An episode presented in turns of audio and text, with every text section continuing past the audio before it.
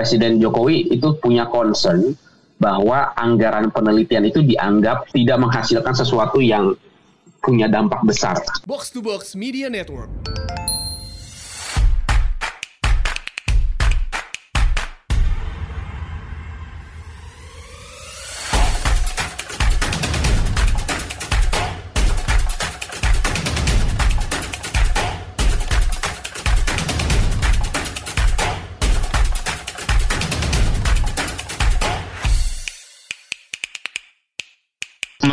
Asumsi Bersuara. Kali ini kita akan bahas satu hal yang kayaknya sebenarnya penting banget nih untuk kita mulai seriusin gitu. Kalau misalnya kita mau ada harapan lah ya buat jadi negara maju, yaitu soal riset dan penelitian nih. Jadi kalau kita lihat di anggaran uh, kita, anggaran negara kita ya, kita baru mengalokasikan sekitar 0,3 persen dari PDB kita buat riset. Gitu. Sementara banyak negara-negara lain tuh udah di atas 2 persen. Gitu. Ini penting buat jadi um, buat jadi concern kita juga. Gitu. Dan sebenarnya terkait riset ini udah jadi salah satu janji kampanyenya Pak Jokowi di pemilu 2019 kemarin itu membentuk Badan Riset Inovasi Nasional atau BRIN. Uh, cuman kayaknya sampai saat ini tuh belum kejadian. Nah soal ini kita akan bahas uh, lebih dalam lagi tentang BRIN ini dengan uh, Mas Fajri Nur Syamsi, peneliti dan direktur advokasi dan jaringan dari Pusat Studi Hukum dan Kebijakan Indonesia. Mas Fajri, welcome to the podcast, Mas. Terima kasih. Baik. Iya, mungkin um, sebelum kita terlalu jauh ke dalam ya, uh, mau mengingatkan lagi gitu kan soal soal BRIN ini sebenarnya udah jadi mandat undang-undang gitu, undang-undang nomor 11 tahun 2019 tentang Sistem Nasional Ilmu Pengetahuan dan Teknologi. Ceritanya untuk memperbaiki ekosistem riset di Indonesia gitu. Ya. Kalau sekarang ngelihat nama Kementerian Riset dan Tek Riset dan Teknologi itu udah jadi uh, Kementerian Riset dan Teknologi slash BRIN gitu, slash Badan Riset Inovasi Nasional gitu.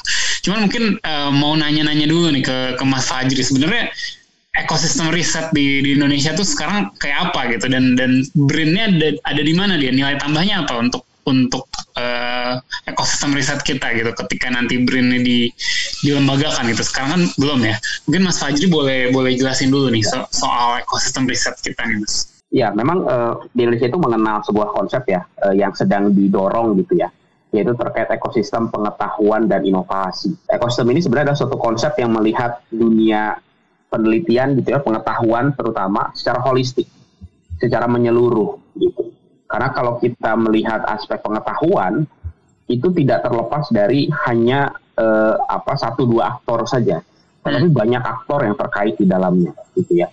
Dan masing-masing aktor itu punya peran dan fungsi masing-masing dan bukan hanya peran dan fungsi, juga punya kepentingan masing-masing itu yang hmm. yang tidak yeah. bisa dilupakan ya sehingga ketika nggak ditata nggak diatur gitu maka tujuan akhir dari sistem nasional IPTEK itu nggak nggak sulit untuk tercapai lah kira-kira begitu nah bicara mengenai aktor tadi salah satu aktor yang dibentuk oleh Undang-Undang 11 tahun 2019 tentang Sistem Nasional Ilmu Pengetahuan dan Teknologi adalah BRIN atau Badan Riset dan Inovasi Nasional.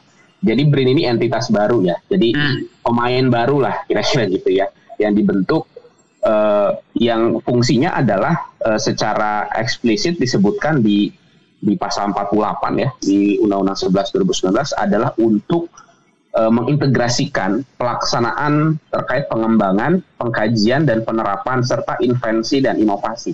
Ada penilaian ketika pembentukan Undang-Undang 11 2019 bahwa proses litbang jirap ya atau penelitian pengembangan pengkajian dan penerapan di Indonesia itu nggak sinergis hmm. nggak hmm. terintegrasi oleh karena itu butuh satu komando nih butuh satu dirjen lah gitu ya untuk kemudian bisa mengatur bahwa anggaran yang digunakan itu terintegrasi dan kemudian hasilnya pun mencapai sasaran dari uh, Sisnas IPTEK itu sendiri atau Sistem Nasional IPTEK itu sendiri begitu jadi uh, BRIN ini diharapkan punya peran yang besar memang akhirnya di uh, dalam pengaturan Undang-Undang 11 2019. Mas mungkin kalau aku boleh boleh lebih dalam ke situ ya.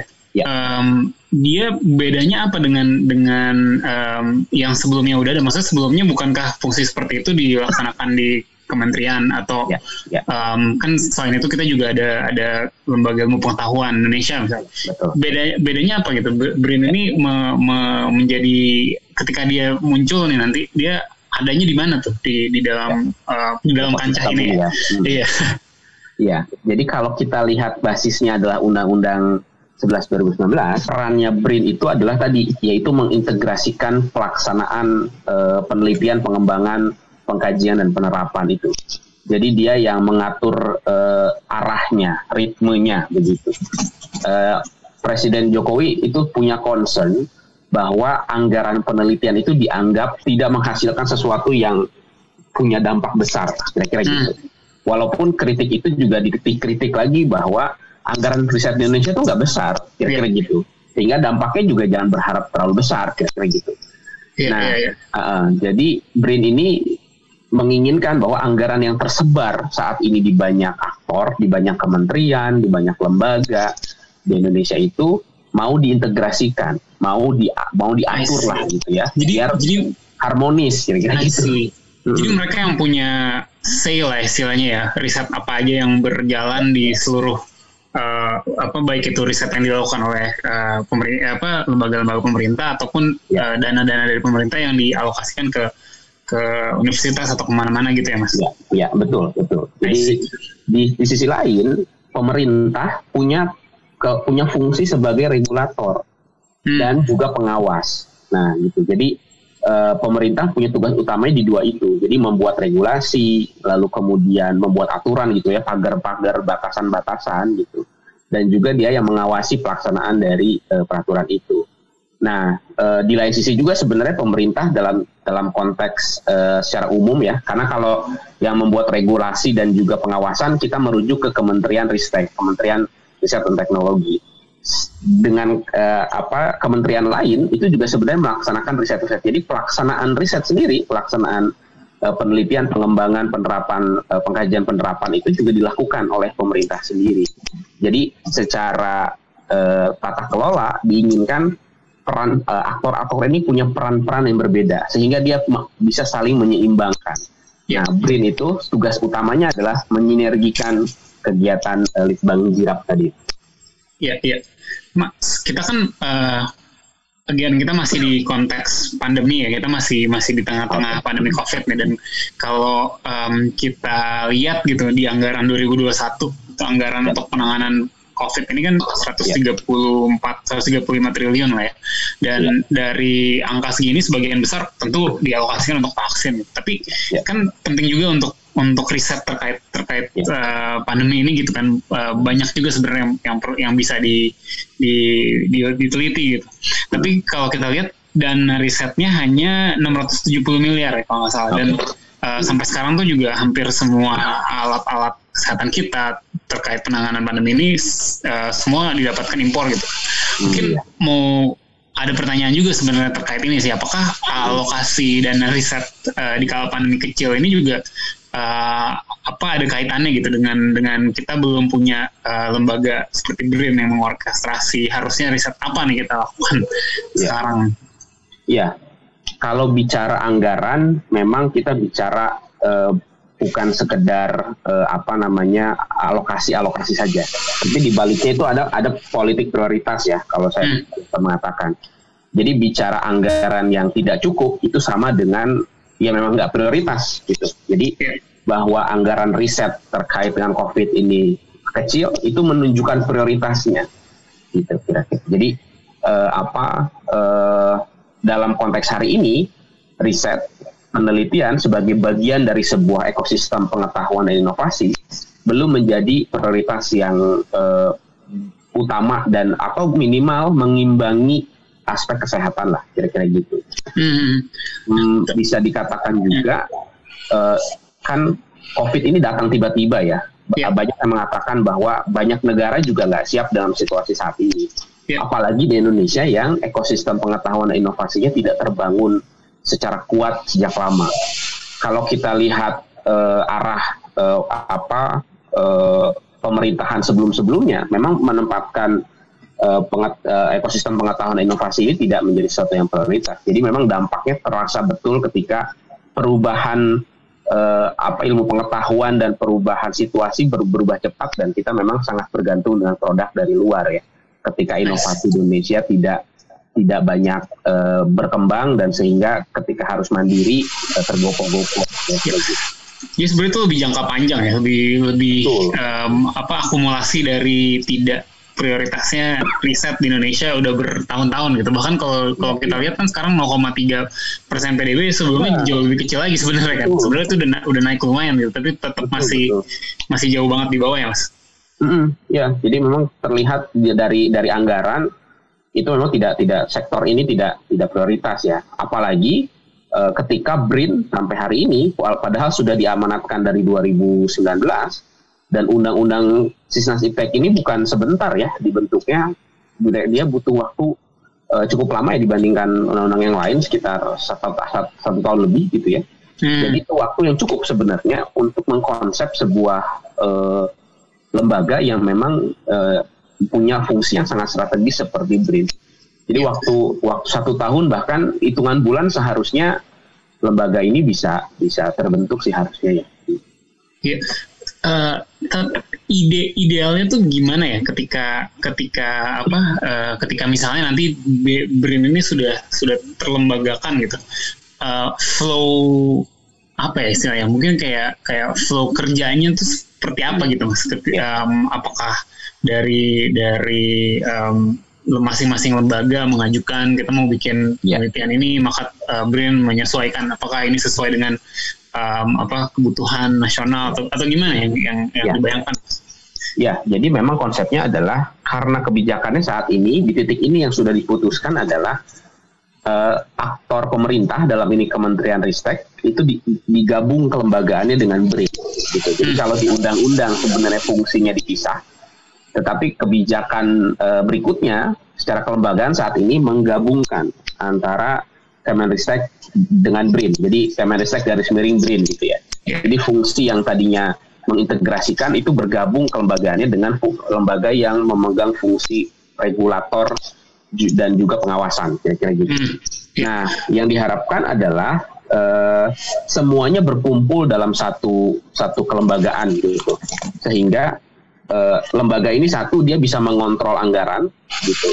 Jadi uh, harapannya yang yang saya dengar memang dia bahkan akan menggabungkan litbang-litbang gitu ya, uh, bagian-bagian penelitian, pengembangan dan juga uh, pengkajian dan penerapan di banyak kementerian menjadi satu yang ide ini sebenarnya masih banyak penolakan begitu.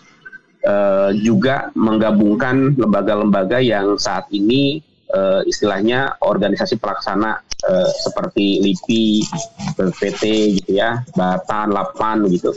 Itu pun kemudian akan digabung dalam satu kelembagaan yaitu Kemenristek BRIN ini.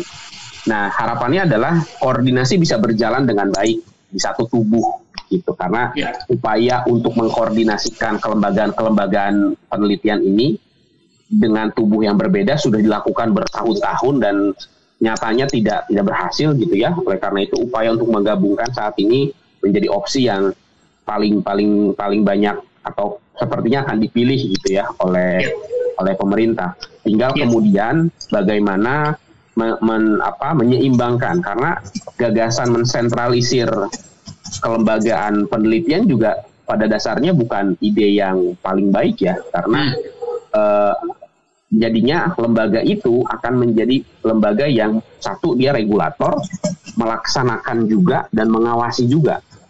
Secara tata kelola kelembagaan sebenarnya bukan hal yang ideal seperti itu. Nah, tinggal kemudian nanti yang akan dituangkan dalam Perpres ini akan sangat menentukan di mana peran pengawasan pihak luarnya. Penelitian juga kan nggak mungkin eh, apa dilakukan hanya oleh pihak pemerintah saja. Ada pihak e, masyarakat yang juga lembaga yang yang yang kerap ya, aktivitasnya adalah melakukan penelitian. Nah itu juga kemudian yang harus dipikirkan. Ya, uh, Mas kan tadi uh, Mas Fajri ngomong ini tuh berarti uh, banyak banget ya uh, dari lembaga-lembaga riset yang yang lain gitu. Semua semua dikon dikontrol tanda, tanda petik oleh BRIN. Dan itu kan walaupun kita tadi masih 0,3 persen PDB itu bukan uang kecil kan ya. Dan dan uh, tentu biasanya di mana ada ada uang besar di situ ada kepentingan juga gitu. Betul. dan dan um, mau mau nanya lebih tentang uh, ekonomi politiknya kali ya. Jadi uh, kan dia dia mengontrol mengontrol dana begitu banyak nih. Jadi um, seberapa ini ya seberapa um, kisruh dari pembentukan BRIN ini terkait dengan hal tersebut juga pasti ada tarik-tarikan kepentingan kan gitu. Um, apakah apakah apakah dia sekarang jadi kayak begitu juga nih? Um, mungkin kalau bisa dibilang mandeknya kalau saya sempat baca-baca juga sebelumnya ada um, ini ya ada tarik-tarikan juga dengan salah satu partai pemerintah gitu kan ya. mungkin boleh boleh dijelaskan tuh mas uh, tentang ini iya sebenarnya uh, ini fenomena yang terjadi bukan hanya BRIN ya ketika ada lembaga baru yang dibentuk oleh suatu undang-undang kecenderungannya begini jadi rebutan kenapa hmm. karena ada anggaran ada jabatan ya. jadi istilahnya ya ada gula ada semut lah begitu ya jadi ngumpul gitu uh, apa uh, mereka uh, banyak pihak yang kepentingan punya kepentingan untuk kemudian masuk dalam lembaga baru itu. Nah ini pun jadinya terjadi pada BRIN, gitu. lembaga baru yang dibentuk berdasarkan Undang-Undang 11 2019. Uh, kemudian uh, bahkan berdampak kepada ketika ada perpres terkait tata kelolanya itu uh, tertunda karena ada hmm. perdebatan terkait dengan konsep. Hmm. Kalau kami kami di di di PSHK ya, di Pusat Studi Hukum dan Kebijakan itu uh, melihat fenomena ini sebenarnya fenomena yang langka ya karena biasanya mandeknya lembaga baru itu bukan di level perpres tapi di level undang-undangnya. Gitu. Yeah. Jadi uh, bahkan ada beberapa kejadian yang undang-undangnya itu nggak jadi-jadi gara-gara ribut terkait dengan lembaga baru. Nah ini yeah. kejadian yang uh, relatif langka gitu ya. Perdebatannya levelnya ada di, di level perpres. Yang berarti adalah di internal pemerintah. Ya Betul. kita harus bicara itu ya karena yang berdebat kalau kita baca Tempo misalkan banyak dan banyak uh, sumber informasi lain perdebatan terjadi antara beberapa menteri lah kira-kira gitu. Nah, uh, apa uh, tidak tidak bisa dipungkiri bahwa tadi balik lagi ada anggaran ada jabatan mungkin bisa jadi yang sekarang muncul ke permukaan aktor-aktor yang dominan saja, tapi mungkin juga ada banyak aktor yang uh, siap untuk masuk gitu ya karena melihat peluang-peluang dan bagaimana peran BRIN ini kan strategis ya. Dia hmm. adalah lembaga yang berada di uh, apa namanya uh, isu atau sektor terkait dengan pengetahuan penelitian dan dananya nggak kecil gitu dananya nggak walaupun kalau kita lihat besaran dari APBN mungkin hanya 0, berapa tapi ketika kelembagaannya tadi digabung, jangan lupa bahwa anggarannya juga pasti digabung. Ya. Yang tadinya tersebar itu juga akan akan tergabung nantinya ke, ke BRIN. Jadi eh, saya melihat peluang bahwa BRIN akan mengelola anggaran yang besar cukup besar ya. Gitu. Jadi eh, saya pikir itu eh, bisa jadi alasan kenapa eh, apa sampai kemudian menunda eh, pengesahan Perpres dari BRIN sendiri. Ya, itu menarik sih yang tadi Mas Fajri bilang ya bahwa um, biasanya mandek kayak gini apalagi kalau urusan dana besar tuh mandeknya di DPR gitu. Mungkin kan ada uh, antar partai-partai uh, perlu ada ini ya, ada uh, sinergi gitu ya, yeah, atau yeah. ya perlu ada uh, lobby-lobby mungkin ya, yeah. um, ter, uh, gimana gimana nantinya. Tapi ini sekarang sebenarnya perpresnya itu kalau nggak salah udah ditandatanganin dari tahun lalu Maret 2020, tapi masih back and forth gitu antara saya yeah. uh, Setnek, terus um, mana lagi ya.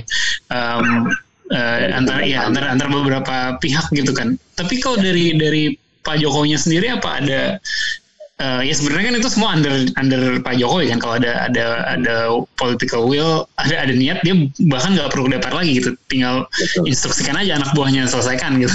Uh, ada um, apa nih yang Mas uh, Pak Jiri lihat gitu sampai nggak uh, nggak saya saya nggak kelar kelar lah gitu. Padahal ini hanya urusan satu lembaga aja gitu. Iya iya. Nah, saya ingin melihat dari kacamata pembentukan peraturan ya kalau di, hmm, hmm. tingkat ini ya, karena uh, walau bagaimanapun perpres itu uh, pengesahan sebuah perpres itu uh, melalui proses yang sudah sudah ketat gitu dalam artian uh, ada peraturannya yang khusus mengatur bagaimana membentuk sebuah peraturan presiden. Jadi semua pihak bisa jadi tahu prosesnya seperti apa. Nah, hmm. tapi kemudian ada perbedaan proses ketika kita bahas terkait dengan perpres pembentukan BRIN ini. Pertama yang saya ingin cermati adalah informasi bahwa perpres itu sudah ditandatangan, uh, saya harus bilang bahwa uh, itu itu keluar dari keterangan-keterangan atau pembahasan-pembahasan yang mudah disangkal kalau menurut saya ya, karena belum ada entitas yang valid yang mengatakan sebenarnya prosesnya bagaimana. Hmm. Uh, sebenarnya ini perpresnya ada di mana. Nah ini, ini saya ingin menunjukkan bahwa pembentukan perpres ini nggak transparan. Hmm. Padahal syarat untuk membentuk syarat untuk pembentukan sebuah peraturan termasuk peraturan presiden dia harus transparan gitu dan harus mengikuti proses yang berlaku. Nah hmm. uh, selain itu juga seakan-akan perpres ini hanya obrolan antara elit antara menteri A, menteri B, lalu kemudian eh, apa petinggi partai begitu ya informasi yang beredar begitu. Apa kabar dengan mereka yang akan juga ter, terdampak seperti lembaga penelitian kampus, lembaga penelitian masyarakat, lalu eh, aktor-aktor lainnya di, di bidang penelitian, apakah juga tidak, apakah sudah juga diajak bicara atau belum? Ini aspek kedua terkait partisipasi. Bagaimana Perpres ini jauh dari partisipasi hmm. gitu dan akhirnya berdampak pada akuntabilitasnya uh, sulit untuk mempertanggungjawabkan misalkan uh, apa uh, kita mau belain siapa kira-kira dalam dalam kutip gitu ya yeah. kita mau mau berargumen seperti apa ini seakan-akan hanya urusan internal dari pemerintah padahal pembentukan sebuah peraturan itu harusnya terbuka dan juga dapat dipertanggungjawabkan. Nah itu satu aspek. Aspek kedua adalah terkait dengan bagaimana presiden mengambil posisi dalam pembentukan sebuah peraturan. Saya ingin coba flashback sedikit ya beberapa peraturan di tengah COVID ya terkait pembatasan wilayah, lalu e, pembatasan transportasi dan lain-lain, peraturan menteri yang tiba-tiba dibentuk terus e, bertentangan dengan peraturan menteri lain. Saya pikir ini e, presiden yang seharusnya diamati oleh Presiden Jokowi begitu bahwa perlu ada leadership yang lebih kuat terkait dengan pembentukan peraturan. Jadi arahnya tuh mau ke mana dan segera diputuskan. Kalau memang riset adalah atau penelitian atau aspek pengetahuan ini menjadi uh, apa sasaran uh, uh, apa program dari presiden yang ingin dicapai di periode kedua, saya pikir tidak harus berlarut-larut seperti ini dan harusnya segera diputuskan begitu. Iya, iya, iya um, mau balik lagi mungkin ya ke ke ya. visi uh, pembangunannya Pak Jokowi di di periode kedua ini gitu kan uh, dari awal kita dengar prioritasnya terhadap pembangunan sumber daya manusia gitu kan dan dan penguas ya. penguasaan dan pengetahuan teknologi gitu. Kalau dibandingkan dengan periode satu yang fokusnya di infrastruktur fisik gitu mungkin ya. Sekarang dia uh, fokusnya katanya ke pembangunan infrastruktur uh, um, non fisik lah ya pembangunan sumber daya manusia gitu. Cuman ya um, itu kan yang di, diharapkan gitu kan itu kan yang diomongkan di awal um, mungkin belum belum belum terjadi gitu ya dilihat dari dari uh, Brin aja um, masih mandek gitu. Kalau um, Mas Fajri sendiri melihatnya apa apa jangan-jangan sebenarnya tetap uh, fokusnya di SDM cuman mungkin nggak lewat BRIN atau atau yang lain gitu yang jadi yang lebih difokuskan oleh oleh pemerintah sekarang iya. atau yeah. atau malah uh, ngelihatnya uh, belum ada kelihatan ya komitmennya yeah. terhadap pembangunan SDM. Iya. Ya, saya saya melihatnya adalah kita uh, perlu melihat uh, pelaksanaan dari visi presiden ini secara secara holistik ya, secara hmm. besar bahwa kemudian ketika uh, BRIN ini di, sangat diandalkan membawa perubahan itu satu hal dan itu memang sudah didesain ketika pembentukan Undang-Undang Nomor 11 2019. Tapi kita juga harus catat bahwa blueprintnya seperti apa. Yang yang yang sekarang sedang didorong adalah ekosistem pengetahuan dan inovasinya tuh gimana arahnya dan di mana BRIN bisa berperan di tengah itu. Karena kita harus pandang bahwa BRIN itu alat sebenarnya bukan tujuan ah tujuan utama. Tujuan utamanya adalah mensinergikan aktor-aktor ini melalui sebuah skema ekosistem pengetahuan dan inovasi. Gitu. Jadi uh, itu dulu sasarannya yang perlu dicapai dan disepakati bersama ya, karena tanpa ada kesepakatan terkait dengan urgensi ekosistem pengetahuan dan inovasi ini sulit ke depan untuk menentukan sebenarnya peran BRIN ini akan gimana dan terus tarik-tarikan gitu. Jadi menurut saya urut-urutannya adalah sebenarnya perlu untuk memastikan dulu ekosistem pengetahuan dan inovasinya tuh akan seperti apa dan setiap aktor yang masuk dalam ekosistem itu tahu perannya apa baru kemudian kita bisa bersepakat BRIN akan dibentuk seperti apa. Begitu. Karena kalau nggak begitu kalau kita fokus terus ke BRIN misalkan ya ya akhirnya kekuatan politik lah yang yang bertarung gitu. Bukan kekuatan teknokrat bukan kekuatan yang berdasarkan sebuah sistem yang sedang dibangun kira-kira gitu. Iya iya iya. Um, kalau kita balik lagi ke ke awal gitu kan tadi kita kita uh, saya sempat sebut juga soal anggaran riset kita yang masih jauh lebih kecil lah kalau sebagai proporsi PDB dibandingkan negara-negara lain gitu ya negara-negara di ASEAN aja bahkan banyak banyak banyak yang di atas satu di atas dua persen kita masih ya. 0,3 gitu.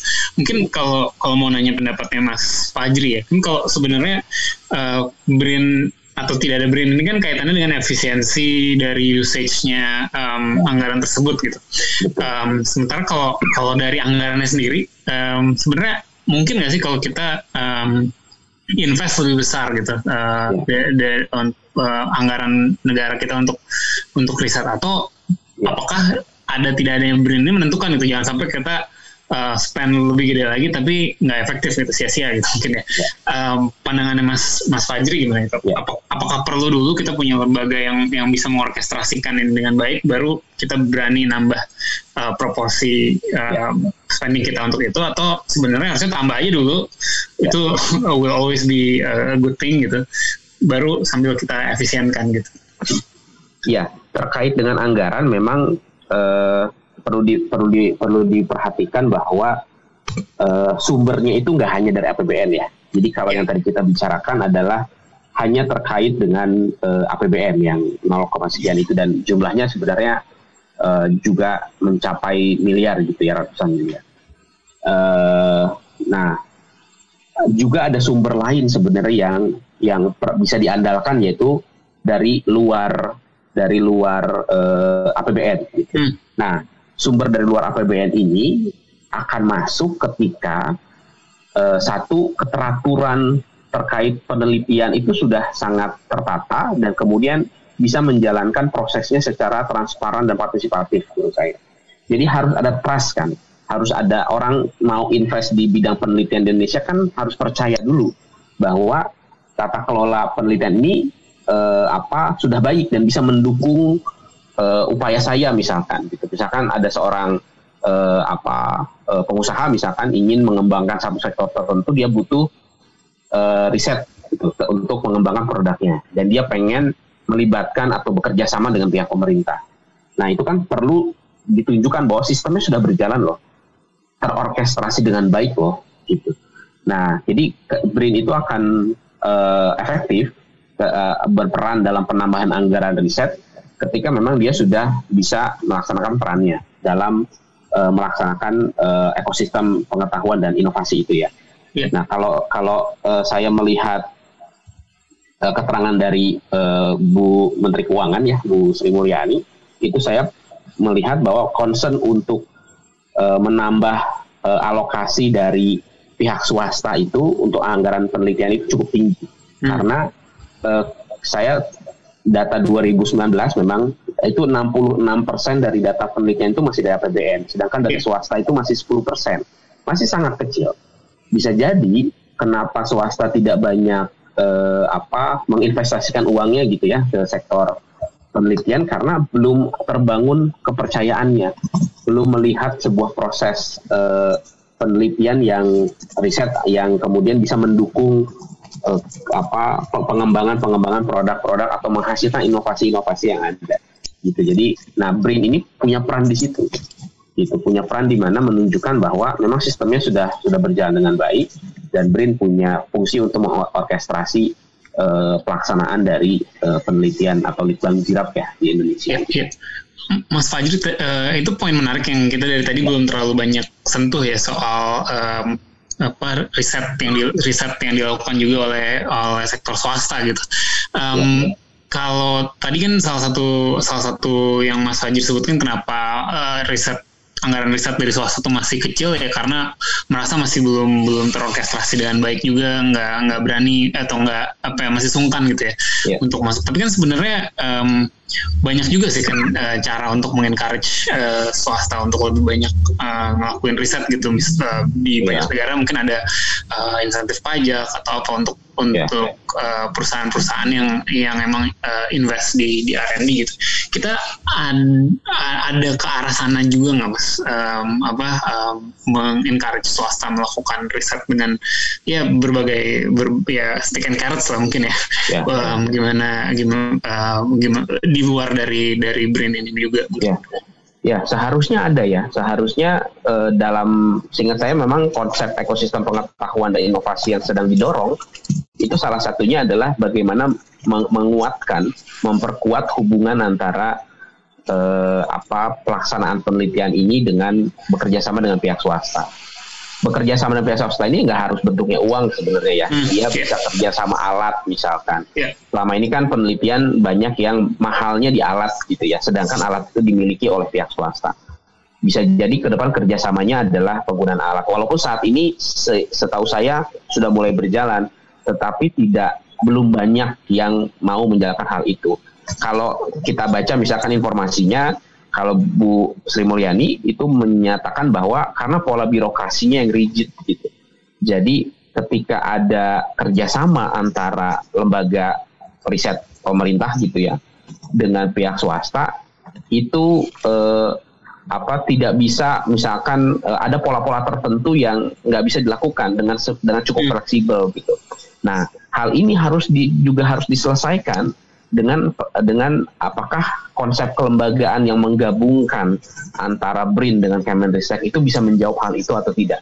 Itu karena ketika BRIN ini ditempelkan ke Kementerian Ristek sebenarnya eh, pola anggaran APBN menjadi eh, kaku ya. Jadi BRIN ini tidak didesain sebagai lembaga yang fleksibel tapi dia jadi melekat ke institusi pemerintah yang penganggarannya itu lewat APBN gitu. Yeah. Itu harus harus bisa dipecahkan. Saya sendiri pun nggak kebayang kelembagaannya akan seperti apa ketika uh, kita berpikir bahwa mengharapkan sebuah lembaga yang bisa bekerja sama secara luas, lebih luas, tidak rigid dengan pihak swasta di desain kelembagaan yang sekarang.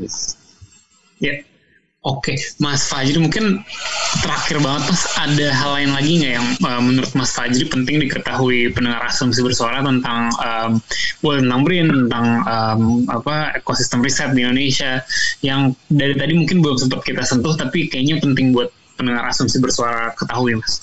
Ya, jadi mungkin saya menambahkan sedikit terkait dengan bahwa aktor uh, apa aktor dalam uh, ekosistem pengetahuan dan inovasi itu bukan hanya lembaga pemerintah saja, bukan hanya uh, apa lembaga yang menggunakan anggaran dari APBN saja, tetapi ada lembaga-lembaga riset yang berbasis di masyarakat, berbasis jadi misalkan non government organization ya NGO gitu, dan juga ada lembaga-lembaga yang basisnya di kampus gitu, yang seharusnya memang terlibat aktif, bahkan uh, mereka bisa menentukan arah dari pelaksanaan penelitian uh, di Indonesia gitu karena bentuk kelembagaannya yang lebih fleksibel yang tidak hanya mengandalkan anggaran dari APBN tapi juga bisa mengandalkan uh, anggaran dari pihak luar.